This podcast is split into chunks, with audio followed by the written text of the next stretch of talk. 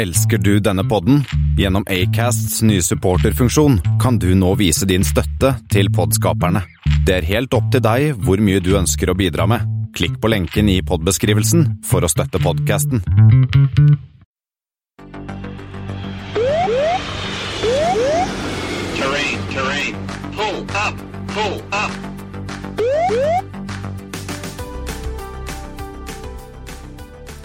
Hei og velkommen til Flypoddens Flight 39, der vi skal snakke om flysalg, flyselskapskjøp, et nytt fly som ingen vil ha, bortsett fra to, da, ruter til Oslo som sliter, flyselskap som har gått dukken, og et av Flypoddens favorittfly, Boeing 747 SP.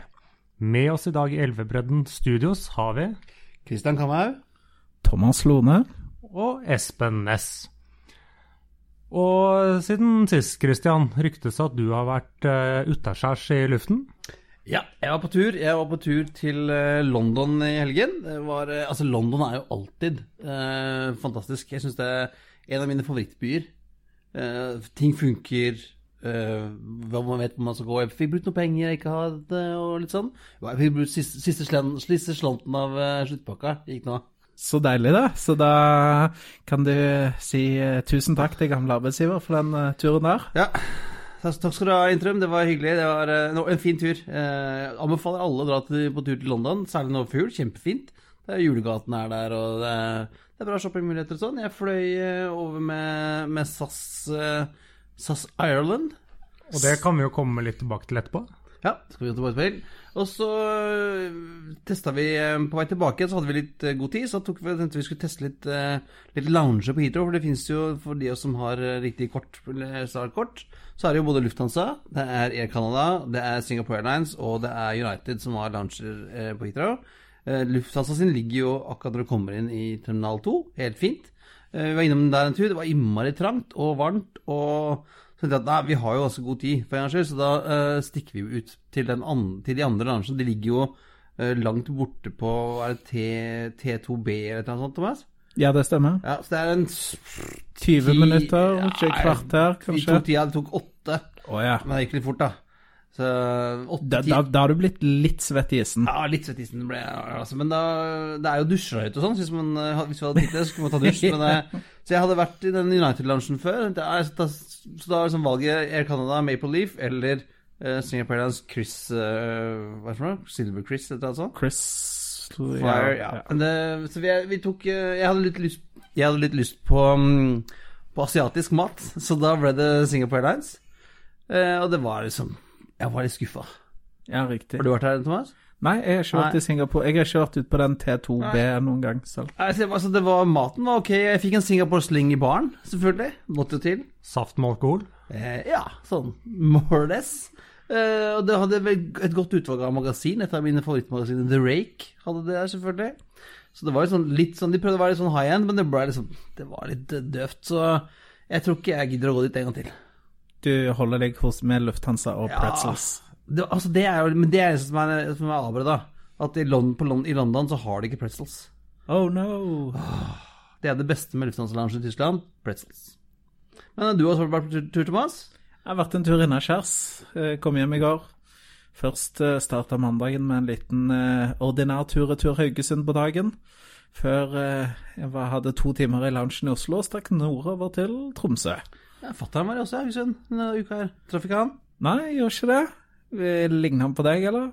Nei. Nei, ok. Da kan det være jeg traff han. Nei, så det var helt ordinært SAS eh, leverte varene denne gangen. Ikke noen forsinkelser, og alt gikk på rute, og alt var fint. Så det er jo en god start på vintersesongen sånn flymessig, eh, inntil videre i hvert fall. Winter is coming. Oh yes. Espen, vi eh, Jeg traff jo deg her i helgen. Ja, Og da- vi, vi var jo ikke og fløy, men eh, vi kom jo i nærkontakt med et fly. Vi var og tok på denne karavellen som står parkert på Kjelsås, på Teknisk museum der, sammen med sønnene våre. Det var jo hyggelig, det. Det slår meg egentlig, den, den karavellen. Altså, gang Det er ikke et stort fly. Det er jo, det er jo en sånn, egentlig en regional jet. Jet, nesten. Ja, i disse dager. Det er jo en sånn regional jet-størrelse fly. Så nå har jeg ikke sett det live selv, men det bråket visst nå inn for eh, Men lite lite bråke bråkete. Var dere inni, eller? Nei, det kan du ikke. Ja, for sist jeg var der, så kunne jeg nemlig gå inni. Det er vel noen som har vært og pella, da, så de stengte den. Ja, men så er det noe sånn De har sånne omvisninger inni den, da. Så det er mulig når det er sånn arrangert uh, tur. Men det er godt at dere tar ansvar for den oppvoksende slett, gutter. Ja. Ja, viser de litt fly og litt biler og litt tog og motorsykler og litt sånn, så det, det er en fin utstilling. Så det kan vi jo eh, kanskje være ukens anbefaling når vi kommer til det. Men eh, Norwegian er jo bokstavelig talt i vinden om dagen. Eh, det er jo eh, De selger unna litt fly, de skal starte litt leasingselskap sammen med kinesere. Det er passasjertall, eh, de sliter med egenkapitalen osv. Mm, Espen, du har sett litt på Hva er det som er siste nytt fra, fra Bjørn Kjos og gjengen? Ja, eh, de hadde jo to nyheter siden sist gang. La oss ta den enkle først. var jo at de kom med passasjertall. Eh, Som viste ja, noe av det vi har sagt, sett før. Eh, Nesten 3,4 millioner passasjerer. Eh, Men nå er de nede i en vekst på kun 8% så veksten er jo avtagende. Det er det, men det er jo det som Bjørn har sagt, at de, nå er de sånn på, på flight level nå. Ja, men jeg er litt usikker på hvor stabil flight level du er. For så man passasjertrafikken, eller den økte med Eller kilometertrafikken økte med 25 mens, mye Longhold, da. ja, mye, Jo, mye langhold. Og mens uh, ja, uh, passasjertrafikken den eh, økte med 25% den såkalte revenue passenger kilometers. Mens den tilgjengelige setekapasiteten økte med 29% og Det gjør nå at fyllingsgraden eh, faller med 2,4 prosentpoeng til 85% som er jo ganske lavt for å være Norwegian. Samtidig da som yielden falt. Den falt riktignok mindre enn hva en del analytikere hadde forespeilet seg, sånn at det hadde i og for seg en positiv eh, innvirkning på aksjekursen. Men eh, eh, hvis man regner litt sånn eh, fort og galt, så tyder det på at Norwegian tapte relativt mye i oktober. Altså, fortsatt yield-fall sånn ned nå til 38 øre, det er jo Begynner å bli ganske tight, altså. Ja, i hvert fall når ikke inntjeningen matcher det. Og det er Nei, litt og oljeprisen er på vei opp igjen. Den var på 72, olje, oljeprisen var på 72 dollar fatet i dag når jeg gikk forbi den der skjermen bak i brygget. Ja, og det, og det er jo også interessant nå, er jo at eh, tidligere så har eh, da Norwegian de har snakket om vekst, vekst og atter vekst, og så har de nå sagt at ja, nå skal den flate ut, nå skal de begynne å høste. Men det jeg syns nå er litt interessant, er jo at de nå begynner å snakke om kostnadskutt. Rett og slett her skal det kuttes, og de planlegger jo nå å redusere eh, rutetilbudet allerede nå i vinter, selv om man har startet vintersesongen. Eh, jeg har ikke helt eh, fått med meg hvor de skal kutte, og hva de eh, om de kutter litt her og litt der, eller om det er noen konkrete ruter. Jeg så det bl.a. var noe fra Helsinki. Men eh, det tyder jo på at de nå ja, begynner vintersesongen med kanskje for mye kapasitet som de hadde planlagt, så det blir jo spennende å se. Så tenker jeg at eh, oftest er det jo ikke noe dramatikk at eh, fyllingsgraden går ned. Oftest er det ofte en trade-off i forhold til at man ønsker å få opp gilden. Man skrur opp prisene, reduserer litt på kapasiteten, og så lever man greit med at uh, fyllingsgraden går litt ned, fordi at de passasjerene som er på, faktisk betaler. Men her skjer det motsatte. Her gikk jo både, både yield og fyllingsgrad ned. Det er jo en dårlig kombo.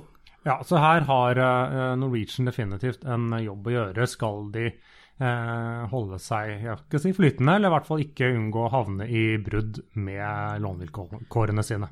Men, men det kan de vel, har de vel prøvd å unngå nå med å, med å frigi litt kapital? Ja, de har begynt med det nå. Eh, De har jo solgt noen eh, 737-ere eh, som er på vei ut av flåten, eh, som de har annonsert salg av, og som forsvinner nå i løpet av fra si, null, null måneder til et år. Men nå har de solgt da fem sånne A320 Neoer, som i dag er leaset til HK Ekspress borti Asia der. Uh, I Hongkong. I Hongkong, ja.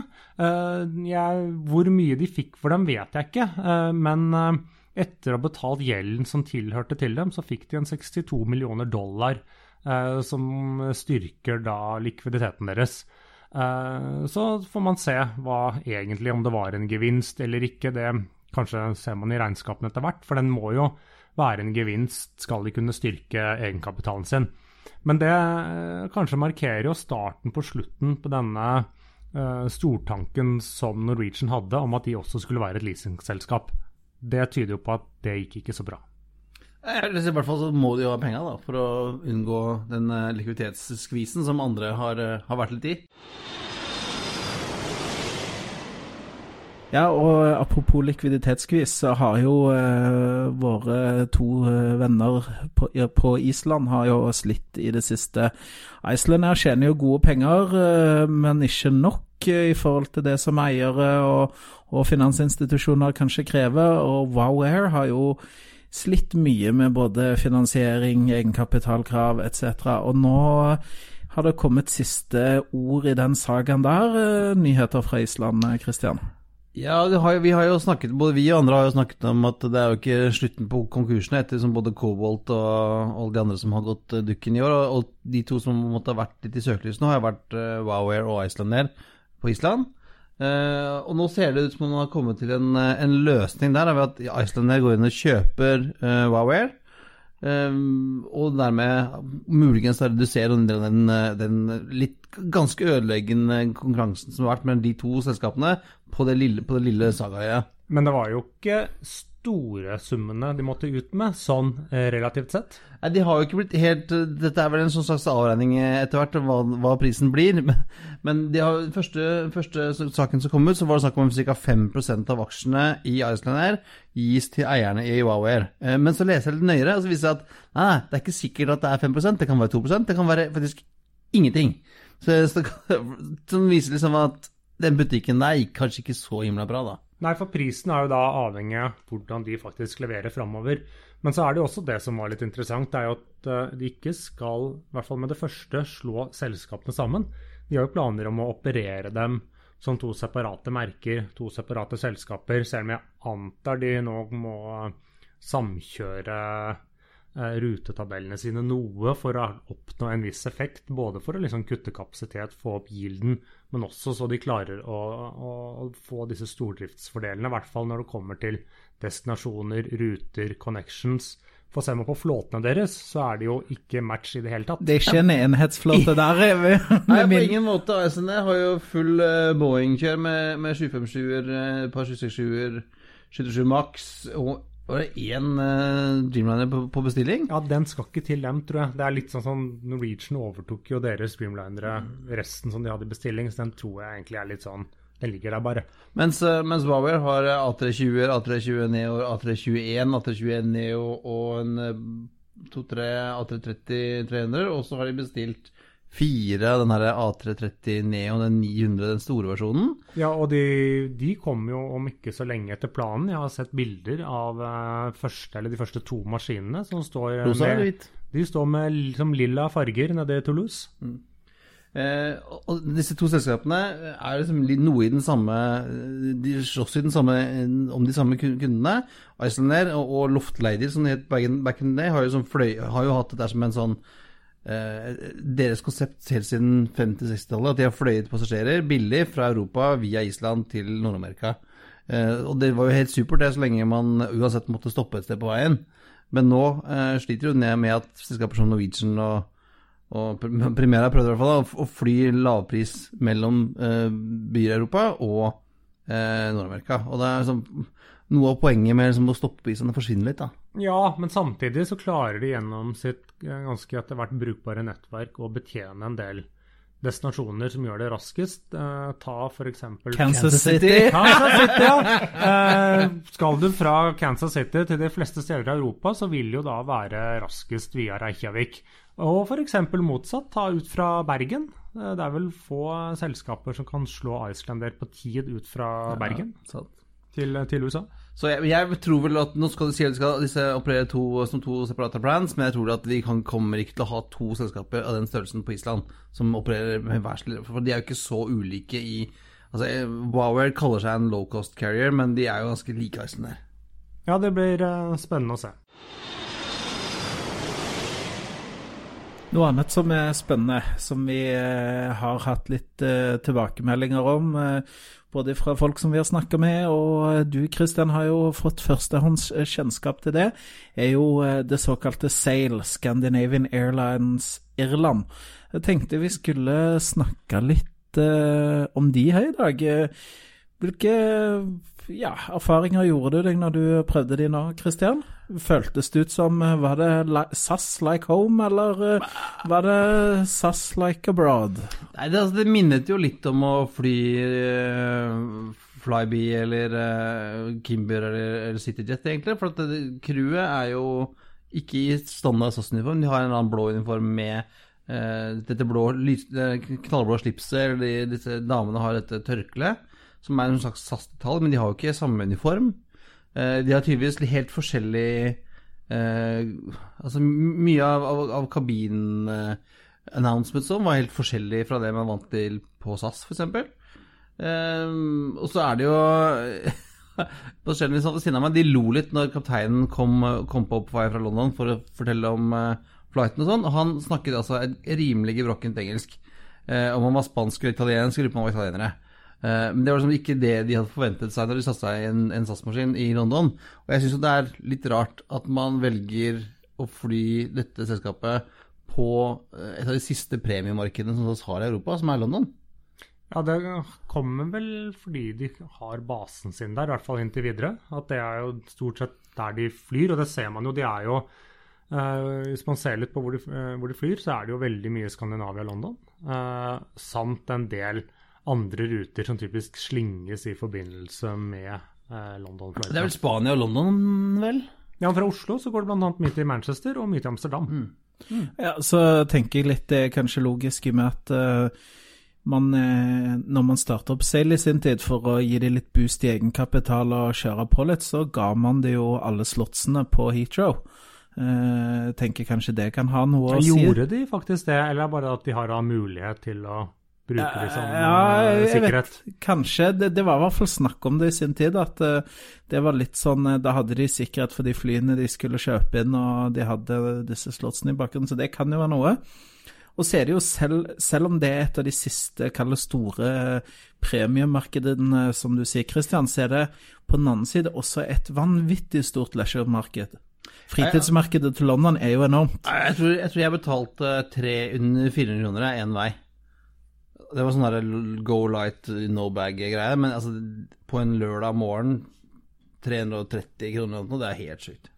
Ja, og det er klart Skal du konkurrere med det prisnivået der, så kan du jo ikke eh, fly med folk i, som jobber i Norge og har norske pensjonsbetingelser og norsk lønn og etc.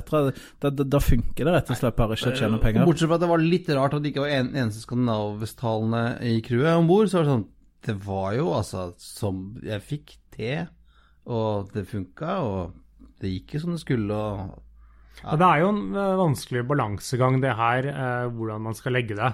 Eh, man kan si at på én måte så er du heldig for eh, merkevaren, kanskje uheldig for eh, de ansatte, men så er det jo det er alltid vanskelig da å fly vinge mot vinge med noen som har lavere personalkostnader. Og jeg forstår det kanskje ikke bare er lønna, men det er jo alle disse sosiale kostnadene som er høye i Skandinavia. Da tenker jeg på sykelønning, pensjoner, eh, pappapermer, eh, mammapermer og etter hvert, eh, eh, osv. At det er kanskje det som har også trigget det.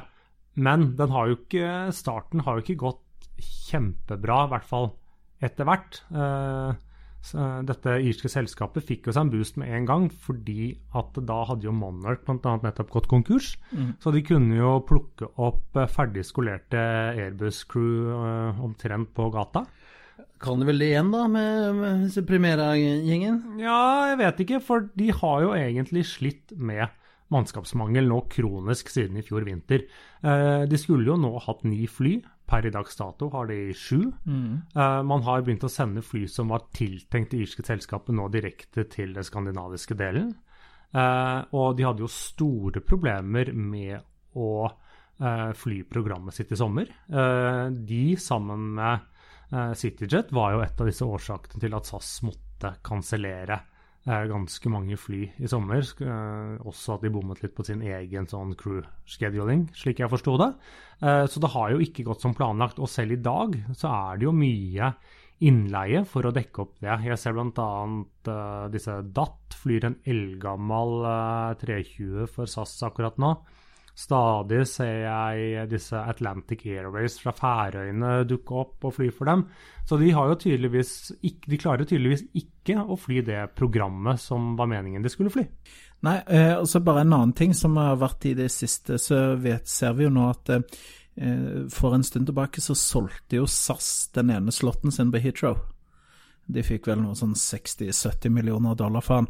Men de har jo operert den inntil videre. Men nå blir jo den ene morgenavgangen fra Stavanger lagt ned, faktisk. Eh, Så der eh, fikk vi vite hvor den slotten da som, som ble solgt, nå kommer fra. Ja, men jeg tror, jeg tror man kan si at uh, kanskje det er en uh, prestisjetap sånn sett, men når du får 70 millioner var det dollar for en slott, jeg tror det er bedre eh, å da selge den og heller kutte en eh, daglig flight fra Stavanger. Jeg tror eh, du skulle fløyt mye og mange år for at den flighten skulle tjent det, 70 for å tjene inn det. Det, er, det tror jeg du har helt, helt rett i, eh, Espen. Apropos lavkostselskap. Noen andre som starter opp eh, lavkostselskap, det er jo ikke bare SAS. Er Astana siste selskap på stammen som eh, drar i gang et eh, lavkostselskap. Og hva er det navnet der? Det, var- det var pussige greier. Ja, la, la oss begynne. Air Astana, for de, som ikke, de som ikke kjenner Air Astana så godt, så er det det nasjonale flyselskapet i Kasakhstan. De flyr vel en del 767-er blant annet til Europa, litt sånn forskjellig? Ja, og de har også de har både A320 Neo i flåten, de har en Dreamliner eller to eller tre Ja, etter hvert. de har det. Så. Så det er liksom eh, å- base i Astana, så der, derav navnet Air Astana. Uh, Dribe startet av noen brit briter back in the day, og har jo også britisk management nå. Nå skal de da starte sitt eget eh, low cost carrier. Fordi de har sett at de har fått en del eh, lokal konkurranse fra Wizz Air og fra Fly Dubai og Air, Arab Air Arabia og litt sånn forskjellig. Så startet et eget eh, low cost carrier nummer 480-seters A320 fra morselskapet. Og de har det klingende navnet Air Aristan. Thomas var det du Ja, på? ja, jeg syns det var Så hvis du er en god, eh, en god arier, så er det bare å hilse på. Men jeg tror det um, Aristan er et Hvis ikke jeg skjønte det feil, så er det et område i Kasakhstan. Det er, et oljefelt som heter, som heter uh, Aristan Oilfield, og det er et, et hockeylag som heter Aristan. Sånn. Så det er et, et eller annet område i Kasakhstan som, som er Aristan. Da. Så det, det, er, det er ikke noe, det er ikke Hit- Hitlerjugendselskap. Ja, det var nå endelig godt å høre. Men eh, har vi funnet noe ut hvordan disse her skal fly, da? Nei, det, det blir vel en god del eh, domestic eh, i Kasakhstan. Det er, jo et svært land. Det er jo store, store avstander. Og så er det jo regionalt rundt i alle de andre stanene i, i nærheten, tenker Ja, riktig. Så de, ja, det var vel, de skulle vel starte nå nasjonale ruter, eh, innenlandsruter, og så skulle de utvide litt på sånn, på, på sånn mellomlang sikt til disse Det var vel snakk om en 15 fly i løpet av neste år, så det jo blir jo, blir jo størrelse på den greia her også, tenker jeg. Men det var sånn veldig, viktig for ledelsen da, i, i Air Astana at den skulle liksom ikke ta passasjerer fra morselskapet, da. Så de skal tydeligvis da på en eller annen måte skape ny trafikk, da. Det, da følger vi med de. Kanskje dette blir eh, noe for eh, Espen sin spalte. Kanskje. Og eh, Du, da, du tenker på konkurshjørnet? Yes, og da kan vi jo gå over til det, det Espen. Hvor, eh, hvor har kikkerten din eh, landet nå? Er, det- har du noe nytt å melde? Ja, jeg har jo noe nytt å melde, da, men jeg skal ikke si dessverre, men kan kanskje si heller heldigvis, så har jeg ingen dagsaktuell eh, konkurs denne gangen. Eh, men eh, man har jo snakket om europeiske selskaper som sliter i det siste, men nå skal vi til India. Og det har vi jo snakka litt om før, med Air India som sliter med å finne nye eiere. Jet Airways eh, sliter jo tungt, osv. Hvem, hvem er det som eh, har problemer nå? ja, nå skal vi til Jet Airways, som du var inne på. Der går det overhodet ikke bedre. Og i motsetning til Air India, som har et ørlite sugerør i statskassa, så er Jet Airways litt mer overlatt til seg selv. Og få vennene deres nede i Abu Dhabi har vel litt andre ting å slite med. Ja, Etiad, som eier en fjerdedel av dem, er vel ikke så interessert i å putte inn mer penger der nå. Og penger er noe de trenger. Nå i høst så har de både slitt med å betale lønninger, de sliter nå med å betale leasing på flyene sine.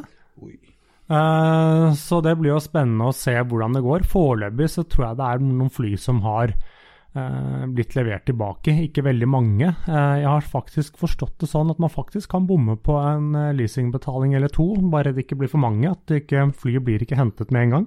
Men eh, vi snakket jo litt om det her for en del eh, uker siden, Christian. At eh, det var jo også snakk om at Boeing kunne komme til eh, å redde Jet Airways midlertidig, i hvert fall hjelpe de over en kneik. fordi ja, de er jo en god kunde, og det er jo litt kjedelig for Boeing hvis alt dette, disse ordrene til Jet Airways faller bort.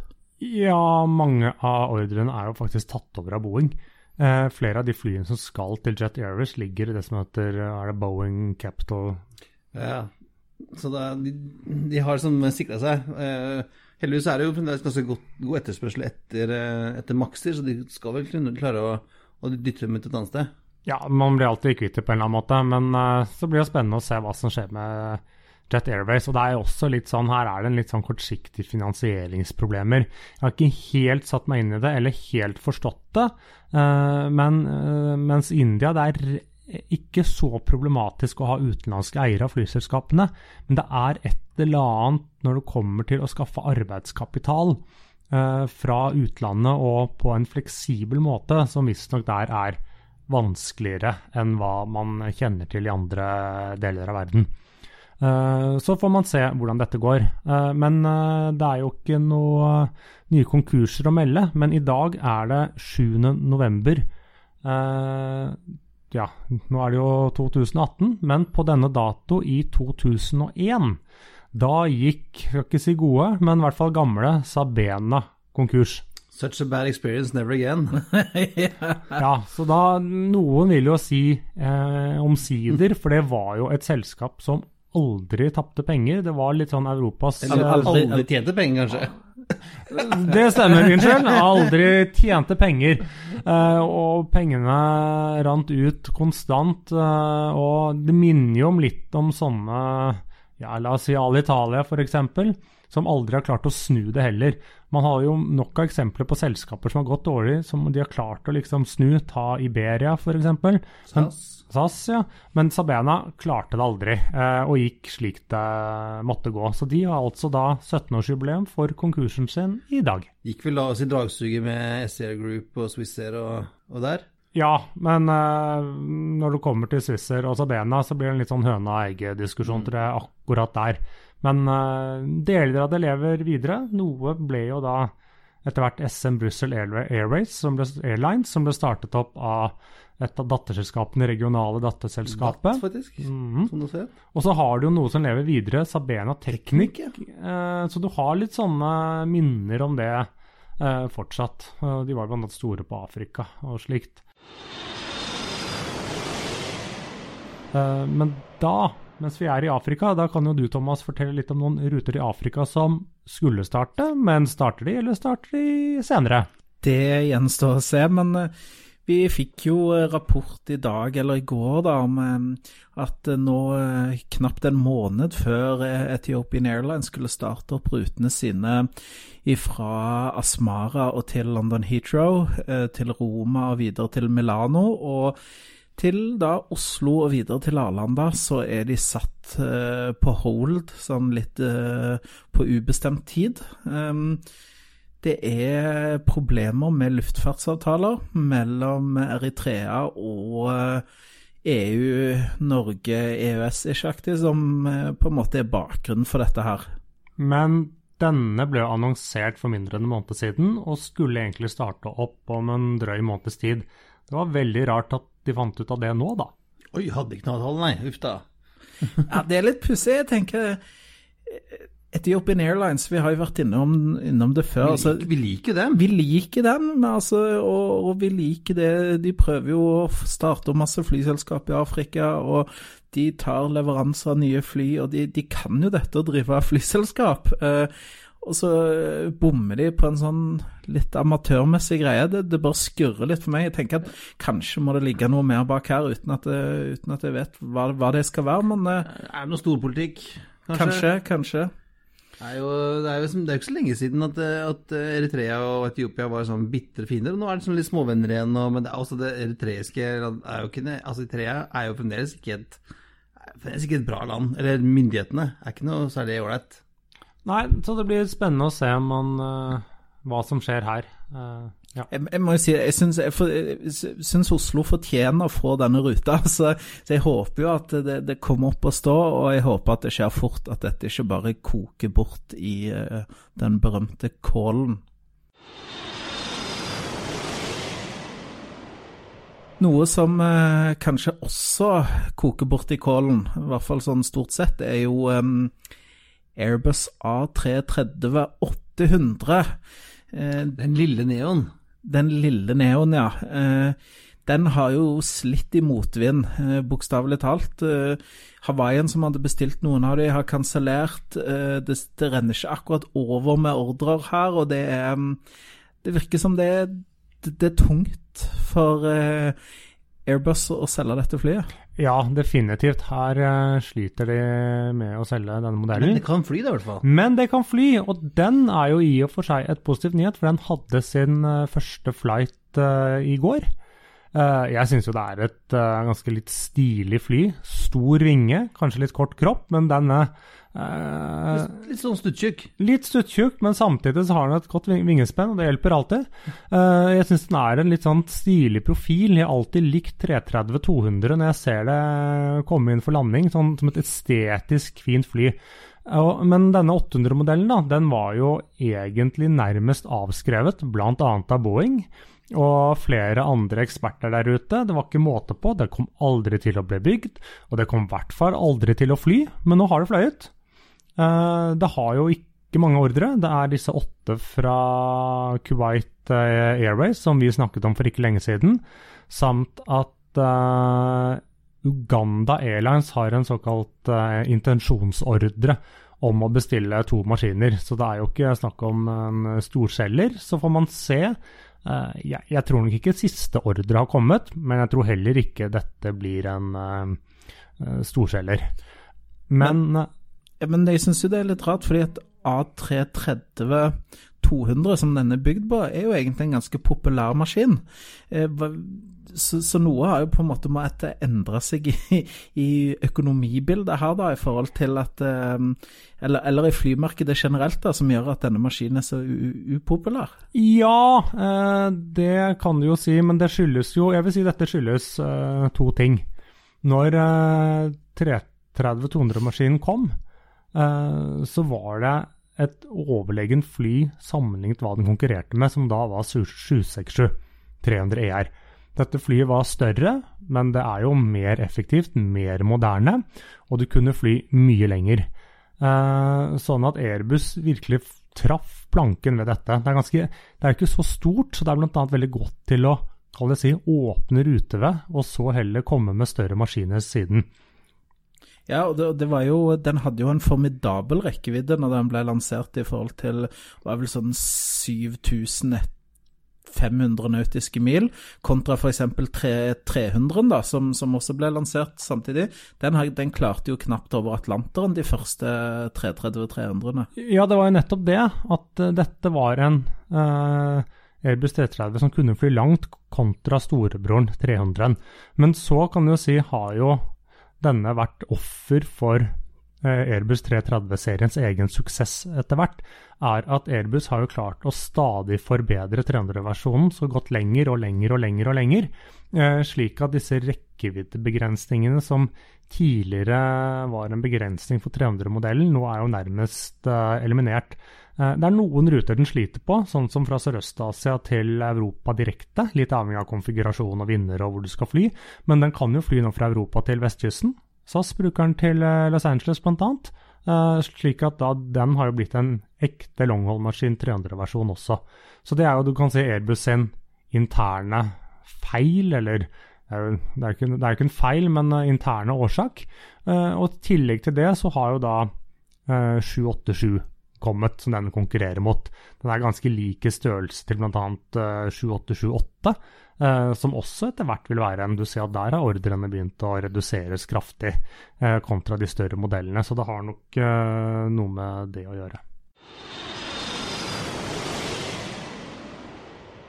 Men eh, skal vi gå ifra et eh, nisjefly til et annet, da? Um, denne ukas sending heter jo Baby 747, uh, og det er jo ikke uten grunn, for vi skal snakke om et av flypoddens favorittfly. Og det er jo i aller høyeste grad en, eh, et nisjefly, kan vi ikke si det sånn? Ja, og hvis vi kalte A330-800 for stuttjukk, så er jo denne her enda, enda mer tjukk. Ja, den er enda mer stutt og enda mer eh, tjukk. Det er en eh, flyvende liten klump. Eller en stor klump. Men det, det er et flott fly, og vi snakker om eh, 747 SP, Special Performance. Og ikke store pupper, altså. Nei, det er korrekt. En stor pupp på taket, men, eh, men det er annen etasjen. Men det var jo, eh, dette var jo et fly som, eh, som ble utvikla pga. noen helt spesielle behov, som bl.a. Pan Am og Iran Airways hadde tilbake på var det slutten av 60-, begynnelsen av 70-tallet. Um, og det, dette er jo en skikkelig sånn oddball, for de tok jo eh, en 747-100, som denne her eh, maskinen er bygd på. Eh, De reduserte lengden på maskinen ganske betraktelig. Eh, Men økte høyden. men økte høyden, ja. Så det, det bidrar til det enda mer stuttsjuke eh, imaget. Og, og um, var jo da spesial eh, Altså, det var kanskje sin tids ultra long range-maskin. Altså, nå har vi jo snakket mye om 350 her, eh, eh, som A350 ULR, som er på en måte dette desenniets eh, ULR-maskin. Og så hadde du eh, Boeing sin 777-200 LR, som satt verdensrekord i sin tid med å fly eh, fra Hongkong til London feil vei, osv. Mens dette var jo på en måte mm, ja, 70-tallets uh, ultra long haul-maskin. Ja, og, og grunnen til at den er, er kort da, og tjukk, er for at de ville jo ha et fly som kunne fly langt. Men da kunne du ikke fly så uh, kunne ikke ha så stor, stor maskin. Så kutta de inn med hvor mange meter var det de med, Thomas? Ja, var det 10-11 meter, tror jeg? Det var, det var noe sånn.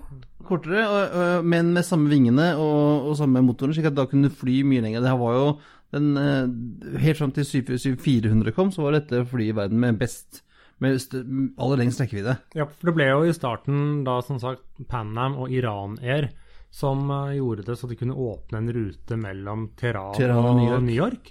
Nå varte jo ikke den ruta så lenge ved at det kom eh, noen eh, En liten nye folk- revolusjon. Ja, en liten revolusjon inn i Iran uh, som ødela det. Men den ble også brukt da som de første som kunne fly nonstop over uh, Stillehavet. Annet til Australia. Sånn at først med Pan Am, og etter hvert så tok jo annet United Airlines uh, over flyene fra Pan Am. Og så var det, Vi var inne på i forrige episode om, eh, om South African Airways, som hadde problemer med å fly, over en del afrikanske stater pga. apartheid. Så South African var jo som tidligere en, en, som bestilte SP tidlig, fordi da kunne de fly eh, rundt hele Afrika på vei til Europa fra Sør-Afrika. De bare fulgte Atlanterhavet nordover. Og så, og så var det jo gjerne sånn Det var jo typisk 747-operatører som bestilte denne. Gjerne et par varianter for å eh, operere et par litt sånn odde ruter som ingen som ikke kunne med resten av flåten deres. Jeg så bl.a. Transworld Airlines, var det Qantas og denne forløperen til Air China.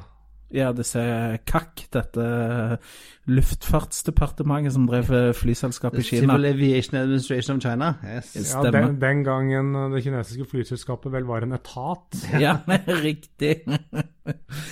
Altså, og så var det jo Det var jo Det er jo, finnes jo kanskje det mest legendariske 747 SP-en som ble bestilt, var jo Eller i hvert fall sånn utseendemessig var jo Braniff sin. Den, eh, den liker du godt, eh, Christian. Også kalt Big Orange, for den var jo knall oransje og feit og rund. Eh, den gikk jo også under navnet Sutter's Balloon. Sutter's Balloon, Sutter er jo også um, Sutter var jo han som uh, sjefingeniøren i Boeing, som sto bak 747. Uh, og opprinnelig så ble den jo kalt uh, short body istedenfor special performance. Eh, eller også, også da Sutters balloon, da, fordi den var en feit liten eh, ballong. Produksjonen til eh, 747 SP den var jo ganske kort. Eh, det var noen få år, fra 76 til 83. Eh, Og så stengte de ned produksjonslinjen, men så åpna de den igjen én gang i 1989. For da var det noen nede i Emiratene som trengte et nytt fly. Da skulle De forente arabiske emirater, staten, eh, de skulle ha seg et fly. Ja, så ble jo ikke, ble ikke bygd mer enn 45 eh, av den her. Og ni er fremdeles i drift, som vi vet om. Eh, Så Åtte, hvordan åtte er i drift, tror jeg. Eh, Åtte? Ja, det, litt sånn forskjellig i forhold til eh, hvor du, hvilke kilder man bruker, men jeg tror åtte, og så har du én som står utstilt i Sør-Afrika. Men det er jo vanskelig å få seg en flytur med den, slik jeg klarer å se. Ja, fordi at det, Nei, altså, det handler bare om penger, Espen. Jeg føler at her må du kjenne noen, ikke bare ha pengene.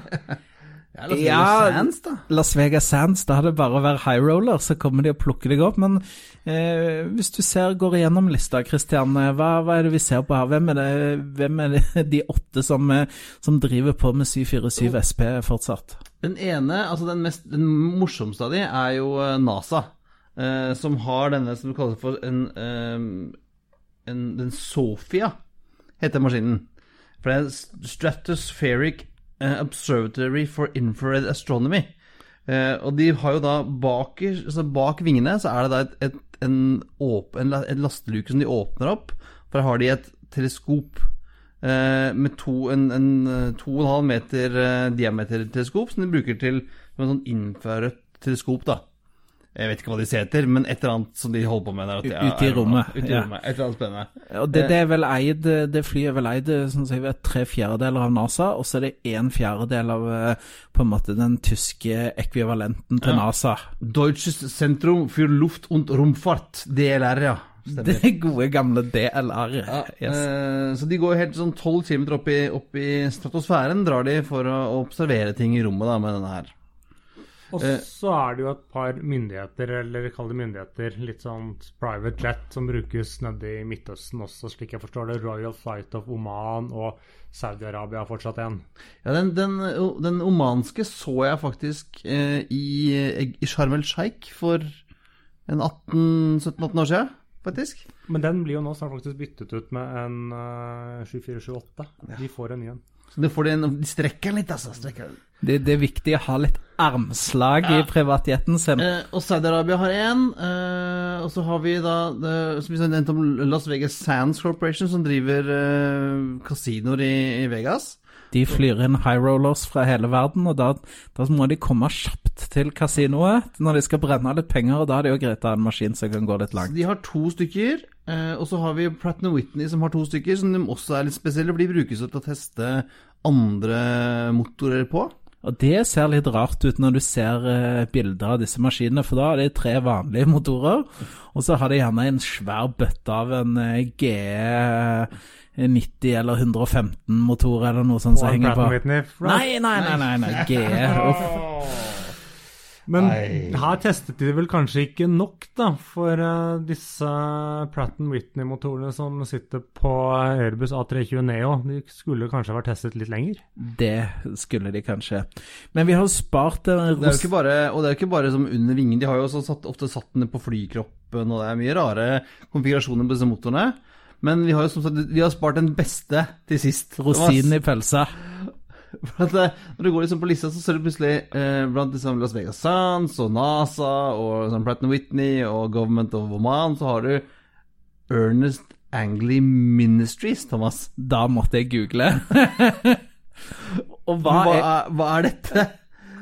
Eh, Det er litt usikkert, men sånn som jeg ser det ute fra nettsiden, så er det noen sånn kristen misjoneringsgreier som er flyr rundt i verden og misjonerer et eller annet eh, budskap. eh.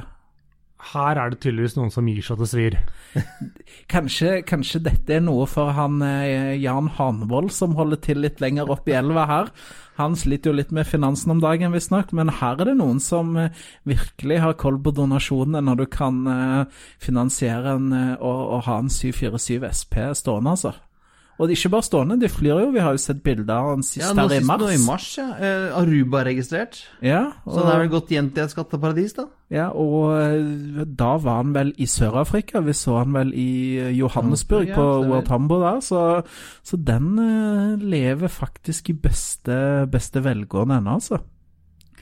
Men eh, Boeing utvikla jo denne maskinen òg for å konkurrere mot andre litt sånn små langdistansemaskiner, type DC-10, eh, TriStaren osv. Men eh, jeg tror egentlig at denne fant seg en litt annen nisje. da. Det var jo ikke på bakgrunn av kall det på en måte størrelsen denne ble kjøpt, det var vel mer rekkevidden eh, som, som gjorde at eh, flyselskapene kjøpte denne her. Ja, altså, når de da, fikk, når de da uh, utviklet uh, 767 som kunne fly nesten, like langt med, med samme størrelsen, og så kunne du få, og så fikk du 747-400 som hadde enda lengre rekkevidde, så på en måte, da forsvant mye av, av poenget med, med de her. Det, de, siste, de siste som fløy de i rute, var vel Iran. Jeg så den ofte på Gardermoen. Ja, for de brukte vel en, var det en sesong eller to de Ja. fløy på Gardermoen. Jeg husker selv jeg så den ute på utenrikspiren der eh, ikke så lenge etter Gardermoen åpnet. Og ellers så var det sånn både altså, Veldig mange store selskaper. Saudi Arabian, Qantas alle, Omtrent alle de store amerikanske. American, Braniff, uh, Panam, TWA, United, uh, Middle East Air, Altså Det var masse selskaper som, som i, i lengre eller kortere eller lengre perioder fløyet SP. Det som jeg syns er moro, til og med Areolinas Argentinas eh, har hatt en maskin i stallen. Én maskin tok de. Og så er det en, en interessant trivia når det gjelder 747 SP, Thomas. Fyr løs, Christian. Eh, det er faktisk den eneste Boeing-modellen som aldri har hatt en eh, ulykke. Nei, aldri. Ikke én eneste har blitt tapt. Nei, riktig. Så alle, alle gikk eh, De som bortsett fra de som ikke flyr nå lenger, det er Ja, tatt død. av, eh, tatt av eh, Ja. hyggeren. Eh, altså, altså mulig syfy, Altså s- Dreamliner har vel kanskje heller ikke hatt en ulykke. Nei, Dreamlineren har Ja, vel så heller ikke Dreamliner og, og SP har, er de eneste som ikke har hatt en, eh, en dødsulykke. Ja, riktig. Men uh, Dreamlineren har vel Den som brant i London, fikk de fiksa den, eller? eh? Ja, den var Det brant litt i taket, og så lappa man det sammen, og så var den good to go. Ja, så de har heller ikke hatt noe tap av maskiner som følge av en ulykke, så det er jo, uh, det er jo bra.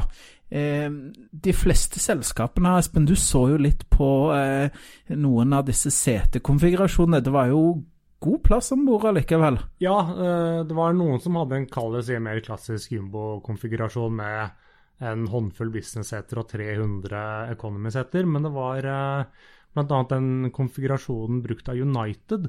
Den hadde noe sånt som var det 14 eller 18 First. De hadde en 80 business-seter og 160, var det det, eh, economy-seter. Sånn at man snakker om var det 240 seter eller noe sånt. Det er koselig, da. Ja, det var god plass, tror jeg. Ja, I en maskin som eh, kan ta helt opp til 400 passasjerer, da, da er det jo greit armslag. Det, det minner jo nesten litt om denne Singapore Airlines eh, A350-900. Den òg er det jo relativt god plass i når man tenker i forhold til eh, hvor mye passasjerene egentlig designer for å ta. Ja, så du hadde god plass, en forferdelig setekostnad, og derfor kunne det brukes på lange ruter hvor eh, de hadde passasjerer som var villige til å betale en premium. Så jeg tror eh, Har vi eh, snakka nok om 747 eh, Special Performancen da, gitt folk et lite innblikk? Det finnes jo masse sider på nettet som er dedisert til, til denne her. Det er jo Jeg tror det er mange flyentusiaster som, som syns denne maskinen her er, er spennende. Så det er jo en av, en av våre favoritter. Ja, Og en av de man dessverre aldri får prøvd. Ja, si ikke det, Espen. Si ikke det. Altså, det er bare, som, som, som vi har sagt tidligere, det er bare å gi gode bidrag via Patron til Flypodden, så kanskje vi tar oss en tur med, til, med denne til uh, Sands, i hvert fall. Ja, eller kanskje du kan leie den inn til et eller annet markedsføringsstunt uh, for din uh, nåværende arbeidsgiver, Christian. Ja, jeg har sett på budsjettene, markedsføringsbudsjettene for neste år, og det Hadde vært, hadde vært plass. Ja, riktig, men gjerne ikke til så mye annet. Yes, men eh, da tror jeg at vi går over til eh, ukens anbefaling. Vi var jo litt inne på det i eh, starten, eh, Espen. Ja, da tar vi og anbefaler eh, å ta en tur til eh, Teknisk museum på Kjelsås, for de som har anledning det. Glimrende å ta med barn for en par timer en lørdag eller søndag. Ja, det er De har jo litt De har en fast utstilling som består av, som sagt, en eh, karavell, en del andre gamle fly. Det er såpass gamle fly at det, det er liksom eh, tau og seilduker som er, på en måte utgjør vingene.